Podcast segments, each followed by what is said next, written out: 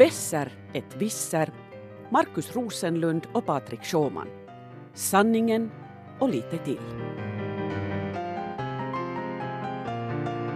Du lyssnar på en Svenska Yle-podd som den här gången handlar om att allt var sämre förr. Tack Markus Besser Rosenlund. Äh, Varsågod Patrik Visser Sjåman. Tack så mycket, tack så mycket. Jag tänkte börja med att idag äh, tala om Black Friday. Det är nämligen så att nu när vi gör den här podden så står den alldeles inför dörren och det görs en massa inslag om den. Uh, men vi är ju inte en kommersiell podd, Markus. Ja, inte ännu i alla fall, det, det beror på om nej, vi får ett erbjudande. Nej, som... men vi har inte fått något erbjudande. Vi lämnar, vi lämnar Black Friday därhen nu den här podden. Strunta i den. Vi, vi, går till någonting annat som ser, ser mörkt ner ut. på sånt, vi föraktar kommers. Okej, okay, det blev klart redan. Ja. Ja, ja, ja. Men, men just det, vi går som sagt till någonting annat som ser mörkt ut. Jaha, okej, okay, Finlands framtid. Nej, nej, forntiden var det som vi skulle prata, inte framtiden den här gången. Eh, jag skulle kunna faktiskt börja och leda in oss på den här stigen genom att eh, konstatera att vi ju firar 50-årsjubileet, om man nu kan tala om att fira någonting så eländigt. Året då allting hände, för 50 år sedan, kommer du ihåg, var var du då? Ja, ja jag, var, jag var i min mammas mage. Men du var väl vid det här laget ungefär i, i mammas mage? Ja, inte var det bara ungefär. Det var, jag var så här tre månader före jag föddes. Ja, 50 eh, år sedan så var saker och ting inte bra alls nämligen. 1968 eh, var ett sällsynt obehagligt år på många sätt och vis. Det var oroligt studentrevolt, majrevolten i Paris, det var demonstrationer och oroligheter på många andra ställen. Warszawapaktens invasion av eh, Tjeckoslovakien, eh, Pragvåren som tog slut brutalt och blodigt, Alexander Dubčeks experiment med socialism med ett eh, mänskligt ansikte föll inte Sovjetunionen i smaken. I USA där var det mordet på Robert Kennedy, Martin Luther King.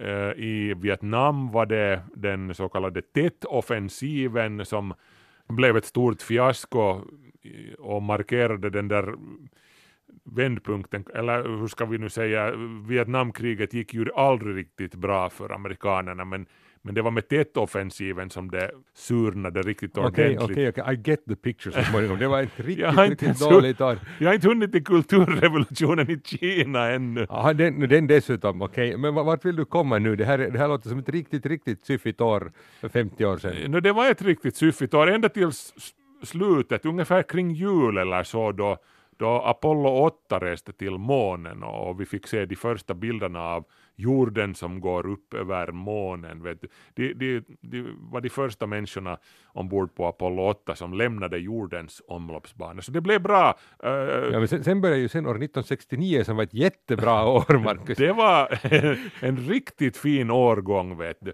Speciellt i Grankulla. Det hände en massa bra saker där. Eh, det där, nej men 1968 det var ett dåligt år men, men jag menar dåliga år hade ju funnits uh, gott om i, i mänsklighetens historia, tyvärr. Jag, jag, jag har förstått att du tänker extrapolera sådär att först har vi då 1968 och sen så går vi till då ungefär 1942 då vi har andra världskriget och så tar vi därifrån ännu bakåt och sen blir det bara värre. Ja, eh, nej men alltså vad jag försöker komma till eh, är det faktum att det, det sämsta året någonsin att vara vid liv under vår någorlunda närhistoria har nu utsetts. Eh, jag ska avslöja vilket år det här är och varför, men, men eh, om vi, vi går igenom några sådana här bubbling under år, för är det eh, pesten 1348, det måste ju ha varit ett riktigt uselt år, och det var det ju, nästan halva Europas befolkning dog i digerdöden, så det var, det var riktigt eh, sugigt. Och vad har vi annat? 1918, vad är det med förresten år som slutar på åtta. Ja, jag sitter, jag sitter här och skriver upp vad du säger, 1968, 1348, 1918. Jag, jag kan dessutom um, um, som en liten parentes här emellan slå in 1848, det var ett galet år i hela Europa, fullt med revolutioner runt om i Europa. Också. Ja, också med åtta. Ett så här liksom konstigt år, år, eh, 1918, du måste stanna nu vid första världskriget. Eh, ja, no, alltså 1918 hade vi då inbördeskrig i Finland och så hade vi den spanska sjukan, äh, A-influensan som tog livet av allt mellan äh, 50 och 100 miljoner människor i världen. Så, så det var ett riktigt, riktigt taskigt år. Min mormors mor insjuknade faktiskt i spanska sjukan men hon överlevde. Så, så, så det, det, var ju bra, men i övrigt inget, inget bra år, det kan jag hålla med om. Ja, men, men faktiskt, jag hade inte tänkt på det, men det är en massa åttor här i de här riktigt dåliga åren och nu, nu är det ju då liksom 2018, slutar med en åtta. Ja, ja, det hinner ännu hända allt möjligt. det hinner hända. Men inget av de här åren är, det sämsta året i världshistorien. Då om man får tro eh, Michael McCormick som är eh, medeltidshistoriker, eller alltså han är historiker med eh, medeltiden som sin specialitet från det här, väntas nu, Harvard-universitetet, just det. Han har då utsett det, det sämsta tänkbara året att vara vid liv, och, och, det slutar inte på en åtta, kan du tänka dig det? Du kan säkert tänka dig det. Och, och så här. tack, tack för det. det. det. var ett stort förtroende för min fantasi. Ja, 536 536 var året som, som man helst ska undvika. Men hej, kort bara, kan man vara säker på det här nu när du sitter och tittar på det där, att det inte liksom kanske eh, 1348 före Kristus eller ja. tideräknings början? Eller? Ja, ja men ser du, det här är ju på sätt och vis en subjektiv uh, bedömning. Det här är ju en människas åsikt mer eller mindre, men man kan nog hålla med Michael McCormick om att uh, 536 anno domini var eh, ett riktigt sunkigt år. Eh, du, du vet den här eh, gamla fornnordiska myten eller ska vi säga sagan om Fimbulvintern när Fenrisulven slukar solen och och det där gudarnas undergångsstunder och allt det där. Men är det inte en framtidsprofetia? ja men vet du, för, för vikingarna kanske det var en framtidsprofetia men, men jag menar det kan ju ha hänt. Och det hände alltså, året 536 var ett riktigt, riktigt kallt och eländigt år och, och det berodde alltså på en serie vulkanutbrott som drabbade världen eh, då det har varit lite delade meningar om vilken vulkan som, som nu egentligen är huvudskyldig till det här, men enligt uh, den senaste uppskattningen från uh, Schweiz, alltså där har de forskat i, i lokala glaciärer och kollat in nedfall och så vidare, så, så man tror alltså att det skulle vara Island som var skurken där. Men det var alltså flera stora vulkanutbrott kring den här tiden, men 536 började det hela. Och, och det, det, bland annat så skriver eh, den östromerske historikern Prokopios om året så här, det här är alltså en ögonvittnesskildring. Under det här året inträffade det mest fruktansvärda järtecken.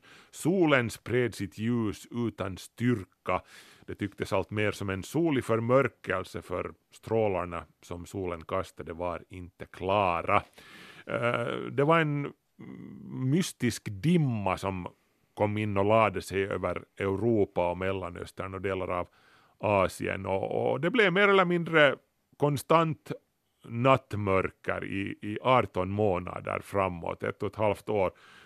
Det här eländet fortsatte ännu länge efter det här men den här akuta fasen eh, pågick i 18 månader.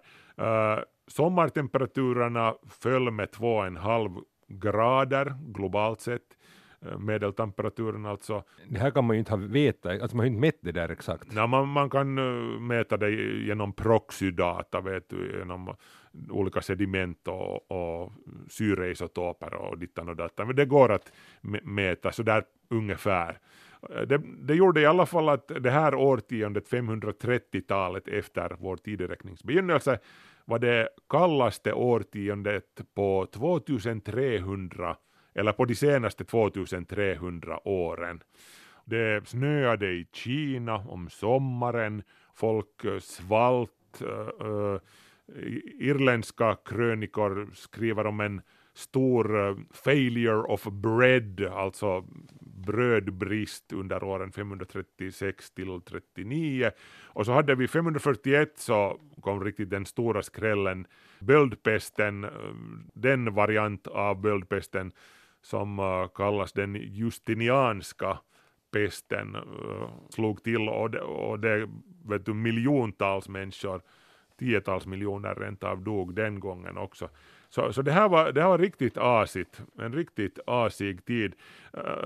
Man har bland annat tolkat det här att man har alltså hittat guldfynd i skandinaviska gravrösen från den här tiden och, och det här har tolkats uh, som så att folk har offrat sina skatter för att blidka gudarna i hopp om att värmen ska återkomma. De har gömt undan eller liksom offrat dem, lagt in dem i de här heliga rösena. Också i Finland, i södra Österbotten bland annat, så har man hittat sådana här gravfynd från den här tiden. Så, så det, var, det var en riktigt jobbig period att leva under det här. Uh, skulle, skulle du vilja åka dit med, med tidsmaskinen om du skulle Nej, nej men, men hur alltså vanligt är det där? För jag, vi har ju talat nu också väldigt mycket om år 1867 som ju då kompletterar serien med 6, 7 och 8. Ja, ja. vi här. Så när han, äh, I Finland i juni så kunde man då på många håll fortfarande köra med släde på sjöarna Ja. och vårsådden så kom man igång med först efter midsommar och det blev en hungersnöd där kring 8 procent då dog. Det, är det här liksom det här, det här är ju betydligt nyare och det här har det talats mycket om och det här är ju inte heller något liksom bra. Hur mycket värre var då liksom kan man säga 536, är det, liksom, det är faktiskt exceptionellt dåligt. No, det, det måste ha varit riktigt ex exceptionellt dåligt. Det är ju så pass långt tillbaka i, i tiden att, att vi har väldigt få uh, skrivna källor alls för det här. Men, men det, uh, ja, det, det verkar vara ett riktigt, riktigt asigt år enligt alla uh, mätare. Så, men, men det finns ju nog andra som, som säkert uh, måste ha tett sig som, som världens undergång också. 1695 eh, till 97 till exempel, då dog ju en tredjedel av Finlands befolkning, dåvarande, alltså den östra rikshalvan av Sverige, eh, dagens Finland, drabbades särskilt hårt just då. Det hade med den lilla istiden att göra som, som gjorde det kallt och eländigt och att skördarna slog fel och allt det här. Så och potatispesten på, på Irland också på 1800-talet, den, den var ju riktigt hejdlöst hemsk. Så nu kan man ju hitta kandidater, det här är som sagt en historiker, Michael McCormick, som nu tycker att 536 har varit, varit det värsta året, men det är nu vet du, en, ett subjektivt val, men det kan man nog hålla med om säkert att det var, det var bland de, de där åren dit man inte helst ska parkera sin tidsmaskin. Ja, no, någon kommer skulle säkert komma eh, invändande här med dagens flyktingkris och annat, men det finns liksom lite hopp om att det skulle kunna bli lite bättre i framtiden, skulle jag vilja säga. Jag tycker att, att när Mm. media alltid anklagas för, vi kommer alltid med dåliga nyheter, det, det är alltid just sånt här, att, eh, har vi det bra nu så då ska vi ändå komma ihåg 536, men, Mm. men och det var ju det här som Hans Rosling var inne på, det var ju hans motto och, och det där livsfilosofi att, att saker och ting är betydligt bättre än vi tror numera. Och nu hade han ju rätt i det på, på många sätt och vis. det hade han verkligen.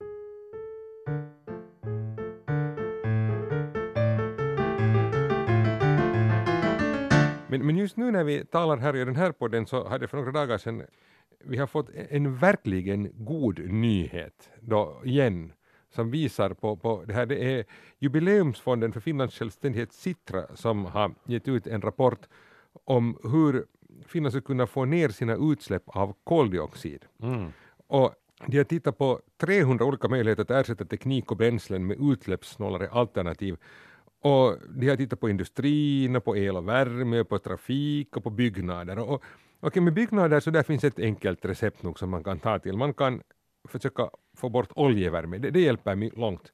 Men sen av alla de här 300 olika sätten så har de då hittat två stycken som är sådana jättebra sätt att faktiskt få ner våra utsläpp.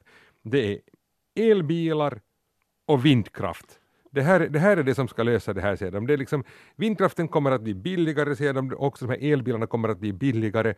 Och, och vi kan faktiskt, no, med alltså det här besläktade åtgärder, vi kommer ju också att ha liksom det ska gälla också transport, liksom långtradare och andra fordon och så här, det liksom är lite större än det här, men i princip så får vi, vi kan till och med tjäna pengar på, vinna pengar på att sänka våra utsläpp med 50 procent, och då med mm. 50 procent, så det här ska man komma ihåg, det här lite råddigt, för det är ju inte från och med idag egentligen, utan i sådana här sammanhang så räknar man, för man har beslutat det bara att man jämför alltid med nivån 1990 och, och, och målet är 2030. Ja, men det, det, det är det här som fascinerar mig. Det, jag har någon slags morbid fascination med det här med, med folk som inbillar sig att, att det att vi, vi måste kära ner våra utsläpp att det skulle betyda att vi kommer att sitta och huttra vid, vid en kamin och, och, och äta barkbröd och, och, och svälta ihjäl, vara, vara eländiga och måste avstå från all modern teknik och allt sånt. Men inte det är ju så. Det, är ju, det handlar ju om nästa generations energiproduktion som, som är renare, som är billigare, som är mera hållbar. Det är ju win-win hela vägen. Alltså, vi, får, vi, vi gör ju oss av med den här skitiga gamla kolkraften etc. Vem, vem behöver eh, vet du, kraftverk som spyr svart rök upp på himlen? När har världen blivit bättre av det? det, det de här förnybara energikällorna gör ju allting renare och, och liksom bättre på alla tänkbara sätt. No, men vi vet ju att det finns ett kompakt motstånd mot just vindkraft till exempel. För att grejen är ju den att den här ska ju byggas till exempel ute och inte kanske bara till exempel utan kanske till och med uttryckligen vid havsbandet i skärgården. Mm. Där blåser det bra och sådär men, men den betyder ju att vi får alla en mölla framför sommarstugan. Hälsningar till Baresund bara där som vi har stuga så, så där byggde de två stora fina, fina möllor. Sen först monterade de ner den ena och sålde den var det till Litauen för när stugägarna klagade så mycket och, och nu har de stängt av den andra också. Ja, no, men så är det vet du, not in my backyard. Men det här är då någonting som vi får se hur vi kan lösa. Sitra har i alla fall nu tittat på det här och ansett att det här är en fantastisk möjlighet för Finland att äh, bygga ut det här på det här sättet. Och de har förstås orsak att säga att vi vill ha den här elen. För det andra som de sa var ju de här elbilarna. Mm. Och det spännande är ju det att de har ju till och med räknat ut ett årtal, alltså att när lönar det sig att köpa sin elbil. Okej, okay, berätta, jag är intresserad för jag ska just byta bil och, och, och jag har nu tyvärr då fastnat för en, en bensinbil ännu den här gången för jag anser inte att elbilarna är riktigt där ännu. Nästa bytescykel, vet du, då, då slår jag säkert till och då blir det en elbil, men, men inte ännu. Men, men berätta, när? 2025, Marcus. Okej. Okay. Då, då, ska det, då, då, ska man veta hur de räknar. Då kommer fortfarande elbilarna att kosta mera än bensinbilen. Mm. Men Citra räknar med hur mycket det kostar att äga den här bilen under hela dess liksom livscykeln. Ja. Så de räknar med bensinpriserna, bensinkostnaderna för att köra den här bilen och så tittar de på elpriset och hur mycket det man måste liksom så att säga ladda bilen och så räknar de med några batteribyten också för man räknar med att de här batterierna du köper med bilen så de kommer inte att hålla hela bilen ut utan du måste några gånger ännu byta batteri där på vägen och då anser de, eller de har liksom tror på det här när de har tittat i sin kristallkula att det är år 2025. Eh, idag har vi 11 000 elbilar och de tänker att när det här magiska året 2025 kommer och folk börjar köpa elbilar i mängd och massor så kommer vi år 2030 att ha 800 000 elbilar. Och det här är alltså mycket mer än vad regeringen siktar på. Alltså mm. regeringen siktar på 250 000, så 800 000 är hemskt mycket mer. Då har vi alltså en tredjedel av våra bilar är elbilar och det här ska då hjälpa att få ner våra utsläpp massor. Så att det här är, jag menar, inte vet ju jag, jag sitter inte med någon sån kristallkula att jag kan gå in som nu en källkritisk journalist och dubbelkolla ah, vänta nu, han sitter nu rätt i sin rapportering. Att, att, va, va, ska, ska jag ringa någon som, som lever där 2030 och fråga blev det så här? Det, det, det, så bra är vi inte ännu men, men det låter ju väldigt optimistiskt och bra det här. Ja, men vet du 2025 och om, om vi tänker på Norge till exempel och, och sätter dem på samma tidsskala så vet du, eh, då, då, 2025 kommer de att ha sådana här antigravitations jetpacks på ryggen som de fly, flyger till stugan. För de är ju liksom så ljusar för oss. De har ju haft, vet du, om du ser på till exempel tv-deckare som spelas in i Norge nu, så där var och varannan, till och med skurkarna kör omkring med elbilar i, i de här deckar, deckarserien från Norge redan. Ja, men Norge har några saker. Dels, det är inte bara oljepengar de har, utan de har ju faktiskt också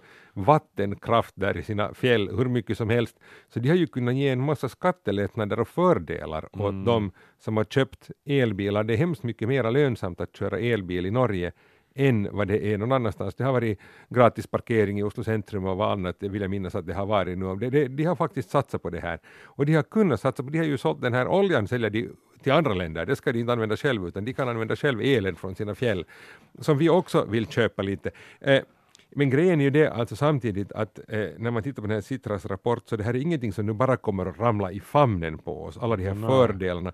Utan vi måste nu börja bygga infrastruktur, alltså läs till exempel om vi ska ha så här många vindkraftverk, alltså 5 gigawatt räknar de med, vi har 2 gigawatt idag. Alltså 2030 skulle en fjärdedel av all el i Finland produceras av vindkraft som då blir väldigt ekonomiskt lönsam. Men det måste ju gå el kablar ut till alla de här kraftverken. Mm. Vi måste ju få bort den där elen därifrån också. Jag menar, om man nu tänker att, att protesterna domnar av och vi får alla mm, möllor framför våra sommarstugor och vi tycker dessutom att det är trevligt på något vis, vi vänjer oss vid dem, um, vilket man ju inte har sett ännu för vi vet ju att det mm. finns på många håll ett kompakt motstånd. Men om vi sen bygger ut dem, så vi, hela den här infrastrukturen, vi måste börja i tid, vi måste börja förbereda oss redan idag och planera för den här framtiden så att den ska vara här faktiskt 2030. Ja, det, det är klart. Uh, men en, en, sak som, jag menar, okej, okay, vindkraft, det är bra, vi, vi, vi, ska satsa på det också, men men uh, har Sitra någon rad om kärnkraften där? För vi, jag menar, vi har ju byggt Olkiluoto 3 nu, vi har hållit på och byggt den sen, sen Karl den XIs dagar ungefär. Ja, ja, alltså jag intervjuar ju forskare på Citra om det här och jag försökte fråga om kärnkraften och de var lite undvikande i sina svar, men alltså grejen är ju det att, att det här är ju bara en fjärdedel av vår elproduktion, så nu måste vi ha annan elproduktion också. Det som nu ändå är här, att i deras förhoppningar och beräkningar så kommer vindkraften att bli billigare än kärnkraft. Så att äh, här blir en komplicerad sån elmarknadsgrej som vi sen får titta hur den blir. Att hur lönsamt är det att producera den där kärnkraften sen när åtminstone de lönsamhetsberäkningar som har gjorts idag har gjorts för ett högre elpris mm. än det vad man får, vad de räknar med att man ska kunna liksom komma ner till med vindkraft. Så mm. att, eh, jag menar som jag sa, de har tittat på 300 olika möjligheter att ersätta teknik och bränslen med utsläppsnollare alternativ och då har de alltså fått fram just elbilar och vindkraft av alla de här. Mm. Så resten är liksom då inte lika konkurrenskraftiga. Ja, men vet du en energikälla som inte alls har nämnts, som jag inte tror att vi här i Besseret Visser ens har nämnt en enda gång, trots att vi har talat om alternativa energikällor och ganska mycket sedan vi började med den här podden, men eh, en energikälla som, som experterna tror att kan komma att bli till och med större än vindkraften, vet du vilken det är? Och nu talar jag inte om fusionskraften, den har vi för övrigt talat om, den existerar inte ännu. Men får jag nu gissa, alltså, det var vi inte har talat med vågkraft till no, exempel? Ja, där hade vi det, det, det magiska ordet. Precis, vågkraftverken kommer att uh, slå igenom stort tror experterna, åtminstone i Storbritannien satsar de hårt på det, bygger ut, vet du, de har ju uh, de har ju väldigt mycket vågor, de har tidvatten där, de, de bygger också sådana här Eh, tidvattensturbiner, det, det, det, kommer också att bli stort. Men, men, men, men de, experterna menar alltså att vågkraften har större potential rent av än, än, än, där, än vindkraften. Det går väl större vågor kanske till och med där än här i Storbritannien, men jag menar, å andra sidan, hör jag dig rätt nu att om vi bygger vågkraftverk här i Finland så det är ännu någonting man kan gå på grund på med en båt? jag har hört, det här är nu lite beside the point, men jag har hört att 70 procent ungefär av alla världens uh, sjömärken, remmare och liknande finns i, i Norden, i Skandinavien och Finland. Uh, så verket förvånar det mig inte alls. Nej, alltså, det vi, finns ju stenar överallt. Alltså, i, resten, I resten av världen brukar det ofta gå så att det kommer en kust, där blir det djupt och där kan man åka med båt. Det är helt, Mm. liksom, många mm, som kommer hit, turister och andra, är ju helt förvånade när de inser att här måste man faktiskt veta var man åker, för det finns stenar överallt. Ja, men hej, vet du, jag har lösningen. Nu eh, när vi ändå ska bygga ut den där vindkraften överallt ute till sjöss också, så jag menar när du har rest ett vindkraftverk där ute, så vet du målar du målar du nedre delen gul, sen en, en svart sektor där i mitten och sen gult igen till exempel om du vill ha en, att, att, att, att segla, seglarna ska åka på västra sidan om den där. Gör, gör vindkraftverken till remmare eller gör remmarna till vindkraftverk. Nu kan du ju sätta en liten propeller också på. Nej men det är ju jättebra, för med den där propellern så håller man ändå lite avstånd, man vill inte åka allt för nära där var den där propellern. Det är briljant, Eh, man måste lyssna upp det då lite bra i mörkret, så att, men, men, men det funkar nog bra, jag tror på det där. Hör du, alldeles här till slut så skulle jag vilja tala om alldeles annat, jag skulle vilja tala om en nyhet som vi aldrig har gjort. Ah, jaha. Ja, eh, det, kan, alltså jag tycker det var nog väldigt intressant, men, men jag redde ut här lite hur det är med tanke på hur man ska börja bygga saker och så här, hur vanliga byggnadssektorn fungerar eh, i Finland. Eh, men det blev ingen nyhet av det. Och, och det är, kan, kan man nog förstå kanske när jag berättar om det, men det var nog ganska intressant. Nämligen för några år sedan så gjordes det, eller ganska exakt ett år sedan när vi gör den här podden, Ehm, så det betyder alltså mot slutet så där av 2017 så skrev man i tidningarna rapporter om hur orättvist det var för vanliga bostadsköpare att när de skulle köpa lägenheter så visade det sig ofta att någon investerare hade varit före dem och köpt lägenheten mycket billigare direkt av husbyggaren. Och sen tog de här investerarna och placerarna mycket högre pris av den som ville bo i den här lägenheten. Och det här Ja. väckte ganska mycket ramaskrik. Och så ska jag börja utreda att är det här ett problem numera? Och orsaken varför det här eh, liksom inte blev någon ordentlig nyhetsinslag var ju att svaret var nåja, tja, och också om det så spelar det inte så stor roll.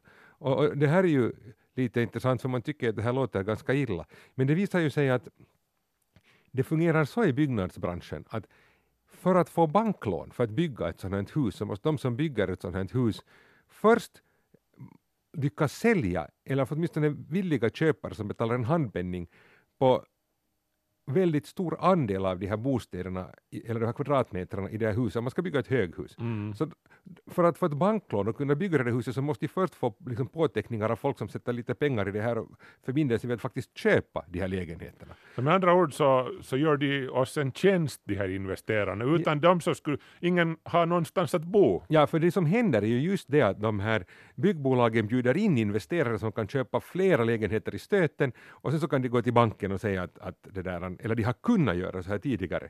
Eh, men nu har det visat sig sen att det har varit av många orsaker så är det här inte mera så hemskt populärt. Det förekommer ännu, så här går det fortfarande nog. Och, och det gör att de sen har möjlighet, om sen priserna är högre eller stiger eller det här byggbolaget inte riktigt har vågat ta tillräckligt höga priser, så kan investerarna göra stora vinster. Men några saker har hänt. A. Byggbolagen har märkt att investerarna gör tiotals tusen euro vinst på de lägenheter som de har byggt och själv höjt priserna, för det var ju inte meningen att de skulle gå tiotusentals euro minus på varje lägenhet, sådär potentiellt som de bygger.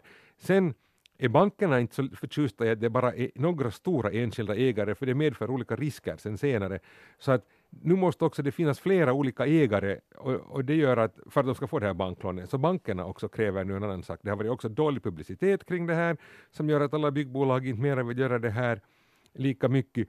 Och så här, så det gör att det här problemet finns, men det har blivit ganska mycket mindre. Och om man talar med bankmänniskor idag så tycker de inte alls att det är ett problem. Just som du säger, vi får lägenheter tack vare det här och vinsterna är mindre. Så här är också egentligen kan vi sluta med en nyhet som på något plan också är positiv.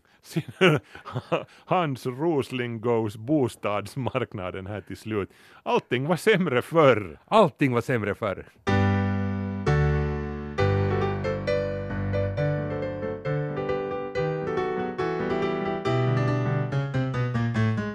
Du har lyssnat på en Svenska Yle-podd med Marcus Besser Rosenlund. Och Patrik Wisser Schauman.